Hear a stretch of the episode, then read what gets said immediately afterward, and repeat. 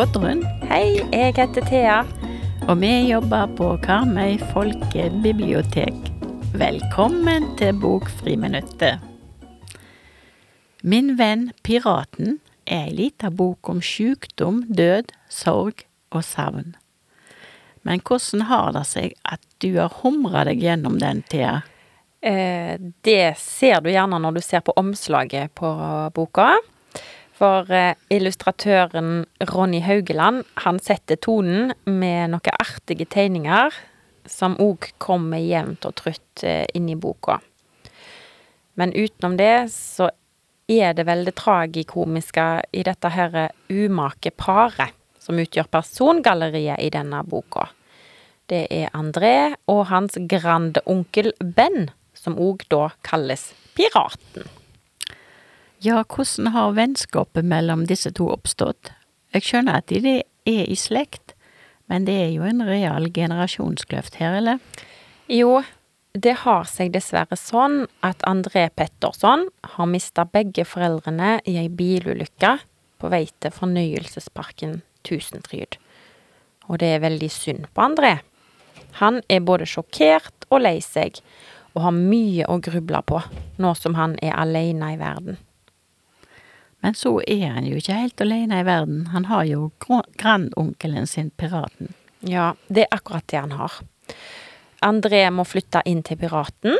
Så fra å være en ungkar som seiler på de syv hav og lever det gode liv, så skal han nå trøste André og lage middag og stille på foreldremøter. Og ja, leve som en helt vanlig landkrabbe, da. Og det syns jo jeg er, er tragikomisk. Ja, jeg ser jo den. Men har piraten noe hus de kan bo i, da? Ja da, han har ei sånn ei skakk lita rønne som kalles for skipperstua.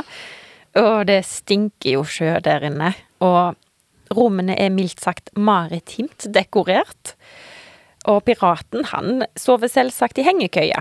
Og middagene de består stort sett av død mann på boks. Eh, og vi må jo flire litt, fordi akkurat det er jo det siste den her arme André ønsker seg til middag. Er han piraten snill, da? Ja, du, han er god som gull eh, bak eh, en del litt sånne mannemann-fakter. Og han gjør virkelig så godt han kan, altså. En fordel med piraten er jo at han snakker befriende lite om død og fordervelse. For med en sånn myk og varm stemme så forteller han om frodige sydhavsøyer i hav blått som glass. Og dette er god medisin for André sitt knuste hjerte. Så da lever de lykkelig alle sine dager i skipperstua, da? Nei, dessverre.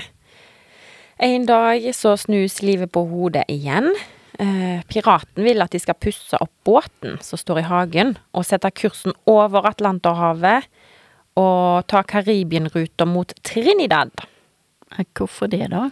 Det kan jeg ikke avsløre her.